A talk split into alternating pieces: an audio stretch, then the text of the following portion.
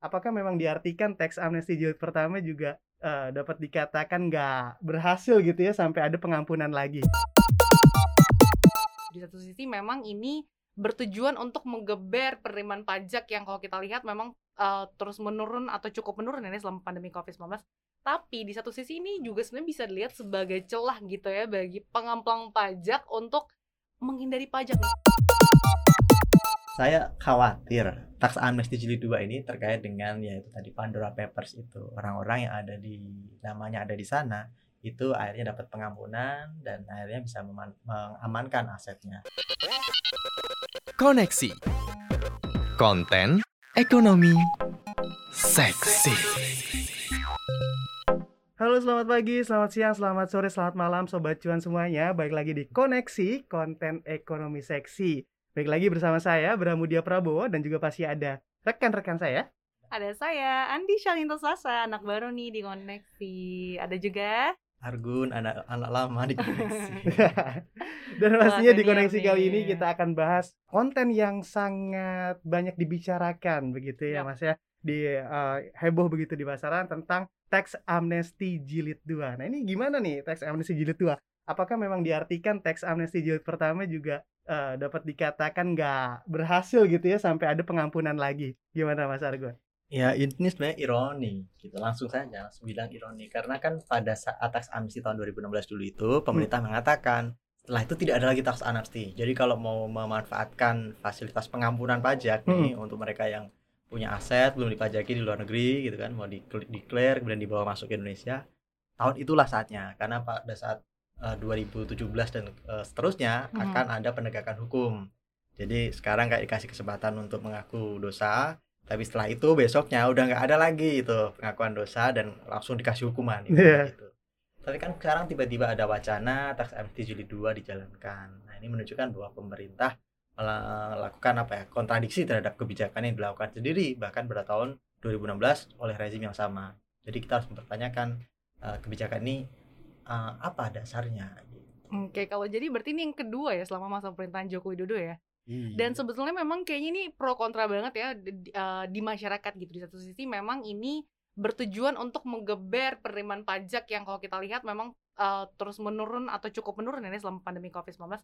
Tapi di satu sisi ini juga sebenarnya bisa dilihat sebagai celah gitu ya bagi pengamplang pajak untuk menghindari pajak nih. Jadi kayak jangan-jangan dengan adanya tax amnesty tahun ini ya udahlah nanti tahun-tahun depan juga bakal diampuni pajak kayak gitu. Bener banget Sasa. Itu dia. Jadi kalau dulu pada zaman SBY memang nggak ada tax amnesty ya, zaman Presiden SBY berkuasa.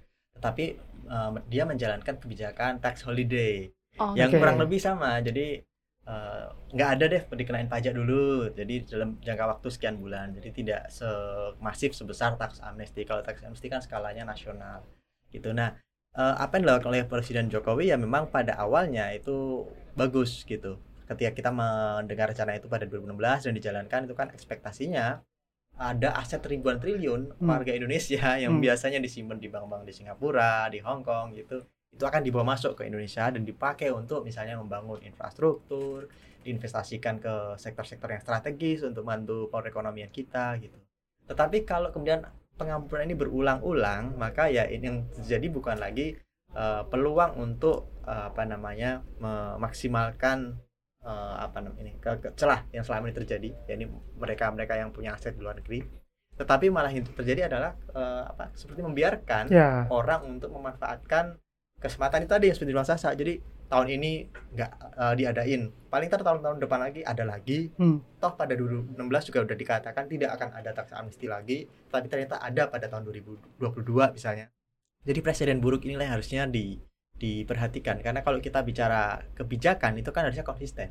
Benar. Buat ya. apa saya wajib pajak ini ya kita ini meskipun por, uh, porsinya nggak segede mereka Hanya mereka ini umbi-umbian ya kalau kata netizen. ya kita kan patuh tiap tahun dipotong ya. uh, gaji kita untuk pajak gitu. Tapi kemudian ada yang gede-gede asetnya hmm. harusnya kena pajak dan itu malah mendapatkan pengampunan yang berulang.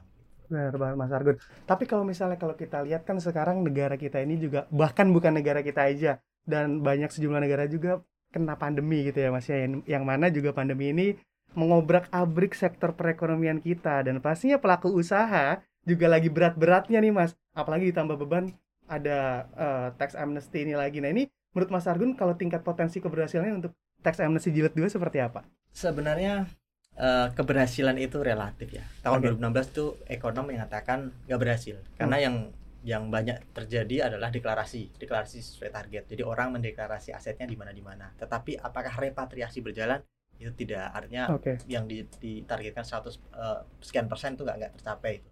Jadi kan 100 persen katanya ya nggak sampai 10 persen gitu yang direpatriasi dibawa ke Indonesia. Hmm. Jadi cuma dideklar tapi belum dibawa balik ke, ke tanah air. Nah, apakah kemudian ketika pandemi tax amnesty ini akan membantu para pengusaha? Ini sebenarnya uh, bisa dibilang nggak ada ini korelasinya gitu mm-hmm. karena yang dibutuhkan pengusaha adalah ya tuh keringanan insentif nah, ini sudah banyak diberikan yeah. PPH dipangkas misalnya dari 25% menjadi berapa 20% mm-hmm. misalnya ini kan sangat membantu pengusaha semestinya uh, tetapi kalau ada tax amnesty ini yang terbantu bukan pengusaha tapi orang-orang kaum kaya yang berduit yang selama ini menghindari pajak. Ini harus di, di garis bawahi yang selama ini menghindari pajak. Dan apakah orang-orang ini akan diberi pengampunan lagi? Itu yang harusnya kita pertanyakan. Apalagi kalau kita lihat sekarang kan dinamikanya masyarakat ini lagi rame. Kemarin ada rencana PPN sembako. Hmm. uh, eh, PPN uh, eh, apa namanya uh, pendidikan. Sekolah yeah. nanti akan kena pajak. Ini ironi karena pada dasarnya aset apa bukan aset layanan yang yang terkait dengan hajat, hajat hidup rakyat banyak itu tidak dikenakan pajak di Asia Tenggara yang berencana mengenakan PPN sembako itu cuma Indonesia. Yeah. Makanya pemerintah kalau ingin mencari dukungan, biasanya mereka akan mencari pembandingnya dari negara-negara Eropa. Dia bilang, nih Eropa juga mengenakan PPN sembako dan sebagainya. Mm. Tapi oke, okay, apple to apple enggak kan enggak. Kita apple to apple ya dengan Malaysia, dengan Thailand dan lain-lain. Bahkan Thailand pada tahun ini mereka menurunkan PPN-nya. Jadi kalau yang lain-lain menurunkan PPN, kita malah menaikkan PPN. Artinya Thailand itu ingin membantu rakyatnya. Oh ini lagi pandemi nih, lagi susah nih ekonomi. Udah kita bantu, nggak lagi dikenain pajak sebesar sebelumnya. Okay. Tapi kenapa kita malah dinaikkan dan PPN itu kalau memang berlaku untuk sembako dan tidak dibedakan, artinya bahkan beras-beras kutuan yang di pasar induk itu juga kena, ya hmm. maka akan memberikan dampak ya beban ekonomi yang semakin berat untuk masyarakat menengah ke bawah. Hmm itu yang ironisnya jadi ada satu pihak mendapatkan pengampunan sementara di sisi lain ada pihak yang seharusnya ditolong masyarakat menengah bawah yeah. itu diwacanakan terkena PPN sembako itu yeah. oke okay. Nah ngomong-ngomong soal tadi balik lagi sedikit ke teks amnesti yang gue baca belajar dari pengalaman uh, teks amnesti jilid satu sebetulnya salah satu kendala gitu ya mungkin uh, terjadi di mana saat itu uh, automatic exchange of information itu kan terjadi tapi nyatanya tidak semua negara mau memberikan data dan juga informasi yang cukup lengkap. Dan gak semua negara sepakat untuk rela dana yang disimpan di luar negeri itu mau pindah ke Indonesia. Hmm. Dan nggak tahu nih nanti seperti apa nanti perjanjian dengan negara-negara yang kita bermitra nih. Ya dulu uh, alurnya emang ideal gitu. Jadi ya. kita kasih pengampunan. Kenapa? Karena setelah ini hampir sulit gitu. Oh, ya. Kalian akan menghindar. Ya kan ada IOI tadi uh, kerjasama untuk transparansi informasi perpajakan antar negara. Tetapi kalau pada tataran detailnya, praktisnya itu kan tidak semudah yang diwacanakan, hmm. diidealitakan. Dan ini yang membuat kemudian kita semakin bertanya-tanya gitu. Kalau kayak gitu ya ngapain harus ada apa ada penegakan hukum di pajak, hmm. ada uh, banding pajak dan sebagainya. Langsung aja kasih uh, pengampunan ini mereka-mereka yang yang melakukan praktik-praktik penghindaran pajak. Dan harus dicatat loh, Indonesia ini kita tuh nggak pernah mencapai target penerimaan pajak yeah. sejak tahun 2009. Share itu ya? 2009 itu target pajaknya 100% tercapai. Hmm. Setelah itu biasanya 92%, 93% gitu. Artinya target yang dipatok sendiri nggak bisa nggak bisa dicapai. Padahal ekonomi kan selalu tumbuh. Idealnya kalau ekonomi tumbuh maka jumlah pengusaha tumbuh, jumlah orang yang berusaha dan mendapatkan pendapatan juga tumbuh. Tetapi kenapa uh, penerimaan pajak malah turun? Sekarang rasio pajak kita 8% yeah. gitu. Uh, sebenarnya kita pernah 11%. Ya itu menunjukkan bahwa aktivitas atau efektivitas pengumpulan pajak itu nggak ada dan bahkan kalau kita melihat berita-berita kan banyak tuh kasus-kasus nih ya hmm. jadi orang yang harusnya bayar pajaknya 900 miliar hmm. tapi dia membayar uh, oknum pajak tiba-tiba dapat potongan 300 miliar saja itu yeah. gitu nah hal-hal seperti ini yang seharusnya dihindari kalau ini bisa dihindari ya mestinya nggak perlu ada tax amnesty nggak perlu ada penaikan PPN sembako karena penerimaan pajak kita potensi yang ada itu bisa dimaksimalkan sekarang kan ya ada yang bilang penerimaan pajak kita tuh potensinya baru sekitar 10% atau 20% dari yang ada gitu. Hmm. Sangat kecil dibandingkan yang seharusnya. Jadi kalau penerimaan pajak sudah optimal, nggak ada lagi tuh isu kita harus narik-narik utang tiap tahun ke luar negeri gitu. Dan kenapa kita harus selalu apa ya kesulitan menarik pajak sesuai target? Problemnya ada di Dirjen Pajak. Okay. Di Dirjen Pajak ini jumlah pegawainya itu dikit. Okay. Kita tuh punya 6 ya 50 60 ribu lah pegawai pajak dan harus dicatat tuh 85 persennya itu pejabat struktural bukan orang yang narikin di, di, di lapangan gitu. Oke. Okay. Dan sebagai perbandingan Jepang itu punya uh, uh, PNS pajaknya itu 66 ribu. Oh. Kalau ditambah sama tenaga konsultan yang bantu-bantu narik pajak dan bantu edukasi pajak itu ada 100 ribu itu Jepang. Amerika 70 ribu untuk pegawai pajaknya saja. Hmm. Belum lagi yang konsultan pajaknya. Nah, uh, memang apa namanya inline gitu. Kalau petugas pajak kita rendah, ya kemampuan mereka menarik pajak ya terbatas. Hmm. SDM berarti ini jadi sorotan juga ya berarti ya mas? Iya, jadi problem kenapa kita problem pajaknya nggak pernah tercapai targetnya yaitu SDM gitu. Dan di sisi lain, kalau misalnya pemerintah mau menambah jumlah tenaga pajak, ya mungkin ada yang bilang oh nanti oh, kalau pajaknya terlalu banyak orang ya banyak fraud dan sebagainya ya jangan kayak gitu juga hmm. fraud ada di mana-mana bukan hanya di petugas pajak di Kementerian hmm. Agama juga banyak ya, gitu. benar. tapi ya kalau memang ada fraud ya itu ditegakkan aturan hukumnya itu saja tetapi realnya memang idealnya kita harus memiliki petugas pajak yang lebih ba lebih bagus dulu Pak Fatrahmani mantan Dirjen Pajak memperkirakan idealnya itu satu petugas pajak itu menghandle 2000 orang wow nah kita tuh masih Timpang lebih dari itu puluhan ribu satu orang handle puluhan ribu kawan okay. ibaratnya ya kalau anda sales anda handle seribu, puluhan ribu oh, oh, apa namanya hmm. klien ya gimana efektivitasnya gitu kan ya sesimpel itu sih iya walaupun memang kalau kita lihat uh, dengan adanya pajak uh, buat orang kaya begitu ya Mas ya hmm. sekarang yang berpendapatan 500 juta juga disamakan dengan yang berpendapatan 5 miliar dalam setahun. Nah, ini juga ruang fiskalnya diperbesar tapi kalau daya upaya dari si Ditjen pajaknya juga nggak sebegitu kuat juga rasanya target juga nggak akan pernah sampai gitu ya Mas Argun. Ya ini problem lagi nih. Biasanya para wajib pajak yang asetnya besar, hmm. itu kemampuan penghindaran pajaknya juga besar. Oke. Okay. Makin jago ya mas ya. Jalan ninja ya. Jalan ninjanya banyak, uh, konsultan konsultannya banyak. Hmm. Ya, tapi itu memang dihadapi semua negara. Kita harusnya nggak boleh kalah dengan dengan uh, dengan kondisi di lapangan ini.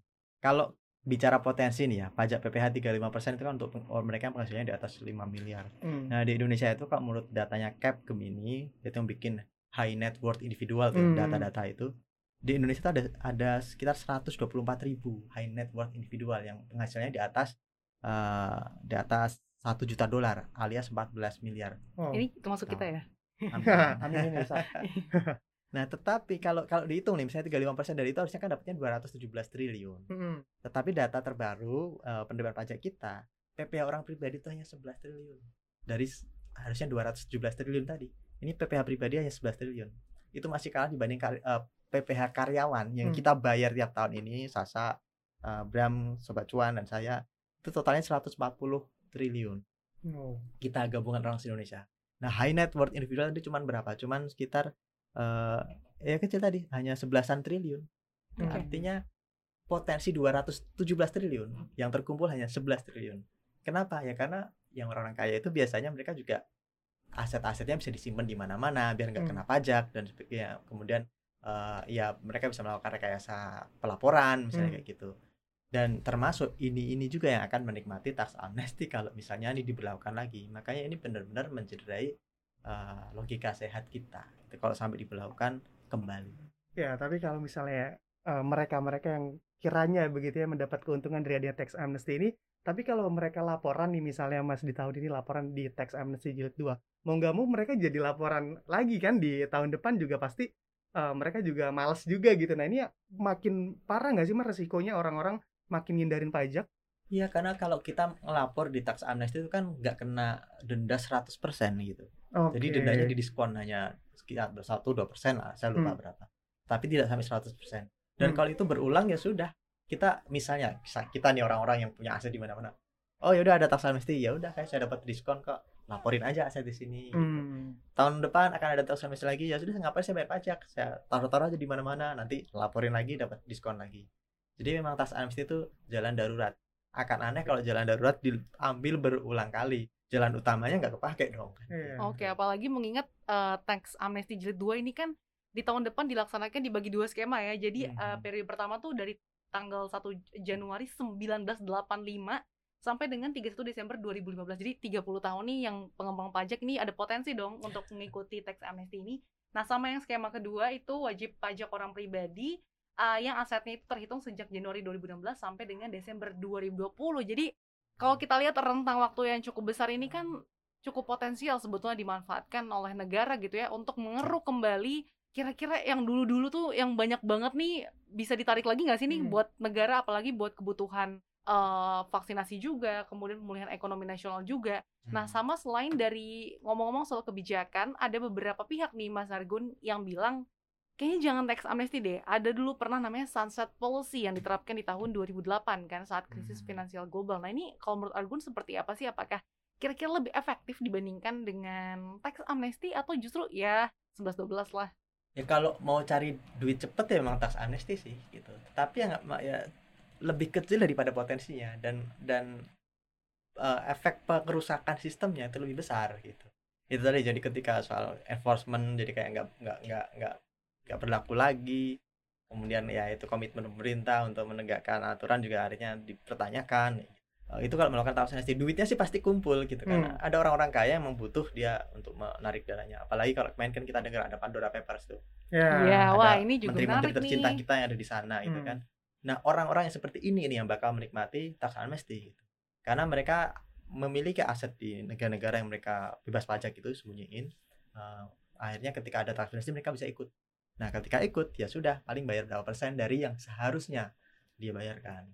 Tapi memang sobat cuan juga harus harus harus cermat ya. Maksudnya tax amnesty ini adalah satu dari sekian banyak eh, praktik-praktik uh, penghindaran pajak hmm. yang biasa terjadi di kalangan high net worth individual itu dan kalau kita uh, cermati ya memang ini sangat merugikan karena ya gimana ya sekarang sistemik uh, ada RUU uh, ketentuan umum perpajakan itu mereka juga melakukan hal serupa. Hmm. Apa yang harus dibayar 100% itu bisa dihindari dengan apa? Pasal banding misalnya. Oke. Okay. Kalau dulu pasal banding itu wajib pajak harus bayar 100% pajaknya dulu. Hmm. Jadi misalnya saya disuruh bayar satu miliar, wah saya nggak nggak nggak nggak terima. Menurut saya pajak saya cuma satu juta. Gitu. Yeah. Ya udah kalau saya mau banding, saya harus bayar satu miliar dulu itu 100%. Nah kemudian baru banding kalau saya menang ya sudah kewajiban saya di satu miliar saya dibalikin. Hmm. Tapi sekarang kan uh, sudah dikurangin itu. Jadi tinggal 60% yang harus dibayar. Itu yang baru diusulkan sama PDIP kemarin. Jadi kalau mau banding saya hanya bayar 60% aja dari yang seharusnya dibayarkan gitu. Kemudian okay. saya boleh beradu argumen di di uh, di pengadilan pajak gitu. Dan perlu diingat sekarang juga masa kedaluarsa pajak dipangkas. Masa kedaluarsa pajak itu masa di mana pajak itu bisa ditagih. Jadi kalau dulu masa kedaluarsa pajak itu 10 tahun. Jadi pajak saya, misalnya saya punya perusahaan dan saya belum bayar pajak tahun 2011, eh, tahun ini masih bisa ditagih. Tetapi dengan ketentuan umum perpajakan yang baru, ini udah dipangkas jadi cuma lima tahun. Dan kemudian misalnya saya bisa memanfaatkan celah, ya sudah, saya nanti banding pajak aja. Karena proses banding pasti lama. Dan nanti kalau kedaluarsa udah ber, uh, terlewati, udah lima tahun pengadilan berlangsung, ya udah masa kedaluarsanya sudah nggak sudah sudah lewat Aduh, udah nggak bisa ditagih lagi jalan hijaunya banyak banget ternyata ya untuk ngemplang pajak iya dan itu uh, apa namanya hal seperti ini harusnya ditegakkan bukan malah hmm. dikasih jalan sama pemerintah dengan ya pro, kebijakan macam tax amnesty makanya ya omong kosong kalau bilang kita tuh tidak bisa menarik pajak karena kesadaran rendah orang tidak akan bakal sadar pajak saya itu nggak bakal mau bayar pajak kalau boleh pilih ya hmm. bayar pajak atau enggak mending nggak usah duitnya yeah. bisa saya kasihin ke orang Buat fakir miskin kopi. atau dede-dede gemes apa ya kan oh, ya kan Bener. tapi kalau saya harus bayar pajak ya ngapain gitu. hmm. tapi ini kewajiban gitu kita menikmati fasilitas negara hmm. maka ya mau tidak mau kita harus bayar pajak dan kewajiban ini semua orang tidak ingin ini ini harus dipaksa dan pemaksaan ini harus dijalankan enforcement Makanya di negara-negara maju, mereka yang penarikan pajaknya pajaknya efektif, itu ya petugas pajaknya banyak itu tadi. Jadi semakin banyak orang yang bekerja untuk apa apa ya ngetok-ngetok lah kantor-kantor perusahaan bayar pajak nih jemput belum. bola gitu ya mas hmm, jemput bola dan di Indonesia ini kan entah kenapa uh, teriakan untuk menambah jumlah petugas pajak selalu hilang kemudian juga dulu ada wacana bahwa Dirjen Pajak harusnya dibawahi presiden. Hmm. Di Amerika IRS Internal Revenue Service dan Dirjen Pajaknya di sana itu dibawa presiden. Di Jepang juga dibawa presiden. Mayoritas di negara maju uh, Dirjen Pajaknya itu dibawa presiden. Kelebihannya apa tuh Mas kalau dibawa presiden? Kalau dibawa presiden maka para petugas pajak itu mereka bisa melakukan apa yang kita lihat di pernah nonton film Pursuit of Happiness. Yeah. Oh, oke. Okay. Jadi ada itu kan trader yeah. ya kan, Will Smith itu kan. Hmm dia udah uh, duitnya habis habisan mau ngambil duit di tabungan lah tabungannya udah dipotong dipotong sama pajak. pajak gitu jadi otomatis kalau dia punya tagihan pajak langsung dipotong dari tabungan di Indonesia nggak bisa karena ada undang-undang kerahasiaan bank ada jam ya itu uh, tidak boleh orang langsung mengakses uh, duit uh, nasabah gitu ya Nah, kalau di bawah Kementerian Keuangan, Dijen Pajak nggak bisa melakukan itu. Berarti perannya lebih besar ya, berarti kalau di bawah Presiden langsung? Perannya akan lebih besar. Dan dulu Presiden waktu kampanye juga menyatakan bahwa ya memang Dijen Pajak akan di bawah Presiden. Bahkan di Nawacita juga disebutkan Dijen Pajak nanti akan di bawah Presiden agar kewenangannya seperti IRS, kewenangannya lebih luas, dan bisa memaksa orang lebih banyak untuk membayar pajak. Tapi yang terjadi sekarang ya itu pasalnya itu hilang. Sampai sekarang Ditjen Pajak masih di bawah Kemenq. Yeah. nggak bisa ngapa-ngapain nggak dikasih tambahan orang juga. Jadi sampai menimbulkan pertanyaan jangan-jangan nih pemerintah sendiri yang nggak mau uang pajaknya ngumpul. Kenapa? Karena kalau kayak gitu kan berarti kita ah gampang lah narik utang aja. Wow. Ada khawatiran seperti itu bahwa ini by design gitu. Jadi ada orang yang tidak ingin pemasukan pajak kita kuat seperti negara-negara maju sehingga kita kuat berdikari secara ekonomi. Hmm. Tapi kita akhirnya terpaksa harus nambal penerimaan negara dengan narik utang, narik utang, narik utang tiap tahun kayak gitu. Hmm. Nah, Jadi, ini yang dikhawatirkan gitu. Hmm. Jadi sebenarnya kalau misalnya uh, apa ya kalau dibilang regulasi pajak kita memang agak bisa diakal-akalan uh, jadi akal-akalan para pelaku usaha ini sebenarnya surga juga gitu ya Mas ya bagi orang kaya, bagi orang yang mau berusaha di negeri kita lebih gampang juga gitu apa gimana Mas? Iya, akhirnya memang iklim usaha kita buat mereka hmm. itu menarik gitu. Jadi kalau ada orang bilang iklim usaha kita buruk dari sisi mana dulu gitu. Kalau dari sisi perpajakan kalau lihat celah-celahnya menarik sebenarnya. Yeah.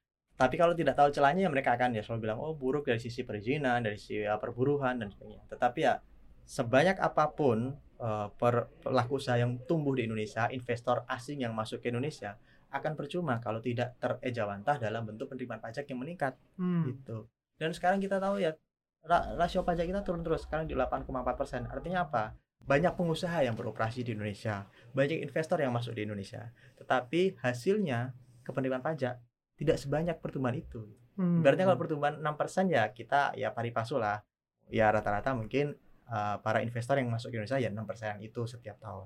Tapi kenapa penerimaan pajak basis pajaknya nggak nambah-nambah, hanya malah bahkan turun jadi 8% dari sebelumnya 11%. Gitu. Hmm. Artinya ada orang yang sebenarnya berusaha dapat duit tapi belum dikenain pajak.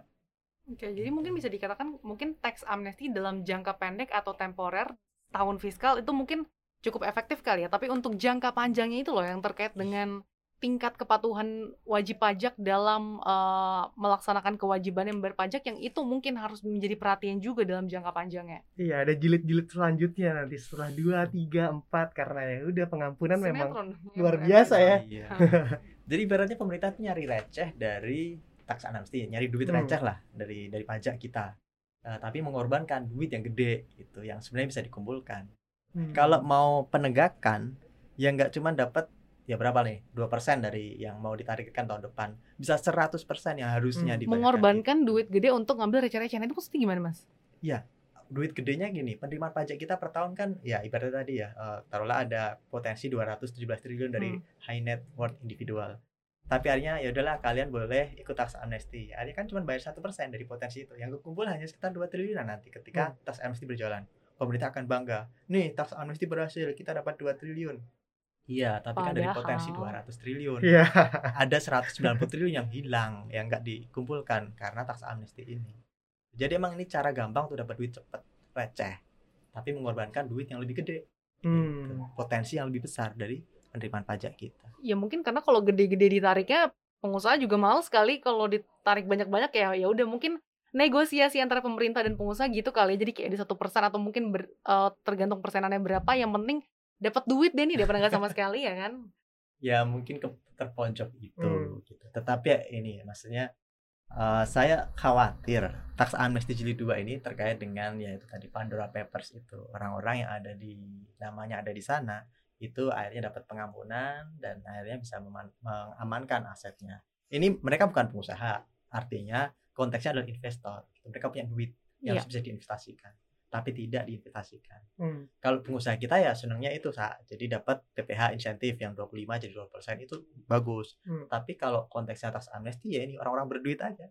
Orang-orang berduit yang selama ini menghindari pajak tapi diampuni oleh pemerintah demi uang receh.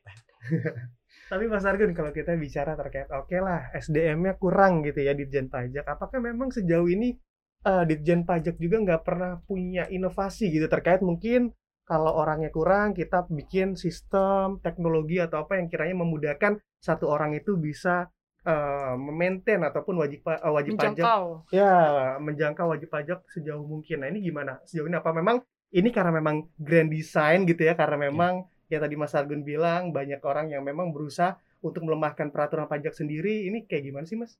Uh, ya memang gimana ya orang itu pinter ya yeah. menghindari pajak itu pada pinter-pinter ya jago-jago tadi ada pajak pasal banding itu misalnya mereka hmm. pakai uh, atau misalnya sekarang menggunakan sistem kewilayahan jadi di Ditjen Pajak itu ada dibagi nih wilayah-wilayah kanwil-kanwil pajak nah kanwil pajak A itu tidak boleh mengambil uh, menarik pajak di wilayah kanwil pajak B hmm.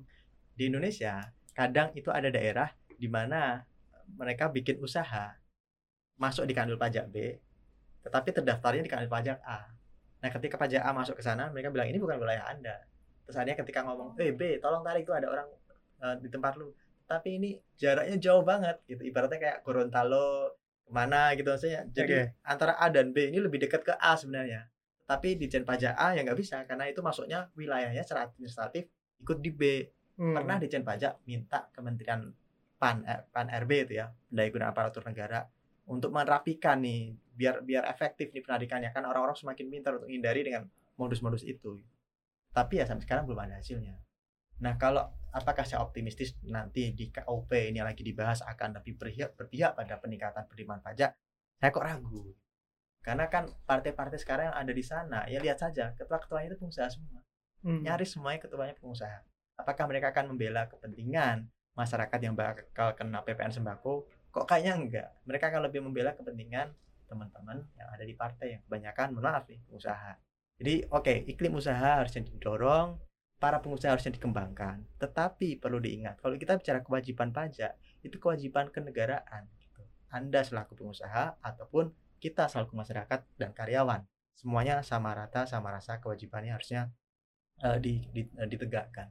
Oke Nah, mungkin kalau dibandingkan dengan negara-negara tetangga lain nih, uh, Mas Argun, uh, ketika pandemi ini apa sih mungkin uh, yang dilakukan gitu oleh pemerintahnya untuk um, menggeber uh, pajak atau mungkin yang tadi supaya dapat duit yang receh-receh gitu? Selain mungkin uh, di luar dari uh, kebijakan seperti skema tax amnesty. Uh, kebanyakan memang pada larinya ke utang sih okay. adanya keutang hmm. karena memang harus secara konkret diakui uh, pandemi bikin iklim usaha kan jadi susah. Iya. Penerimaan pajak pada turun karena laba-laba pada turun nih laba-laba keuntungan perusahaan pada turun. Kalau keuntungan perusahaan turun otomatis PPH juga besarannya juga berkurang. Apa yang dilakukan pemerintah banyak negara lain yaitu mereka menarik banyak utang dengan instrumen yang lebih variatif. Dan Indonesia juga sekarang juga memperbanyak utang defisitnya diperlebar. Tetapi tidak banyak yang sekalap seperti Indonesia sampai mengenakan PPN sembako rencananya. Yeah. Ya, ya tadi Thailand aja dia diturunin dari 10% menjadi 7% PPN-nya gitu. Jadi masyarakatnya dibantu. Tapi ya dengan kondisi pandemi, pemerintah kita malah ingin menarik pajak untuk masyarakat menengah ke bawah ini. Ini secara filosofis tidak bagus. Karena sektor informal itu semestinya tidak dipajakin. Namanya aja informal, ya kan? Orang yang bekerja itu pun juga tidak ada jaminan, social security net nggak ada gitu apa yang sudah dilakukan adalah agar basis pajak meningkat, sektor informal ini dinaik kelaskan jadi sektor formal. Ultra mikro, ultra didanai BRI dan kawan-kawan misalnya, kemudian didapatkan NPWP sehingga penerimaannya tercatat dan bisa dikenain pajak. Itu yang harus dijalankan.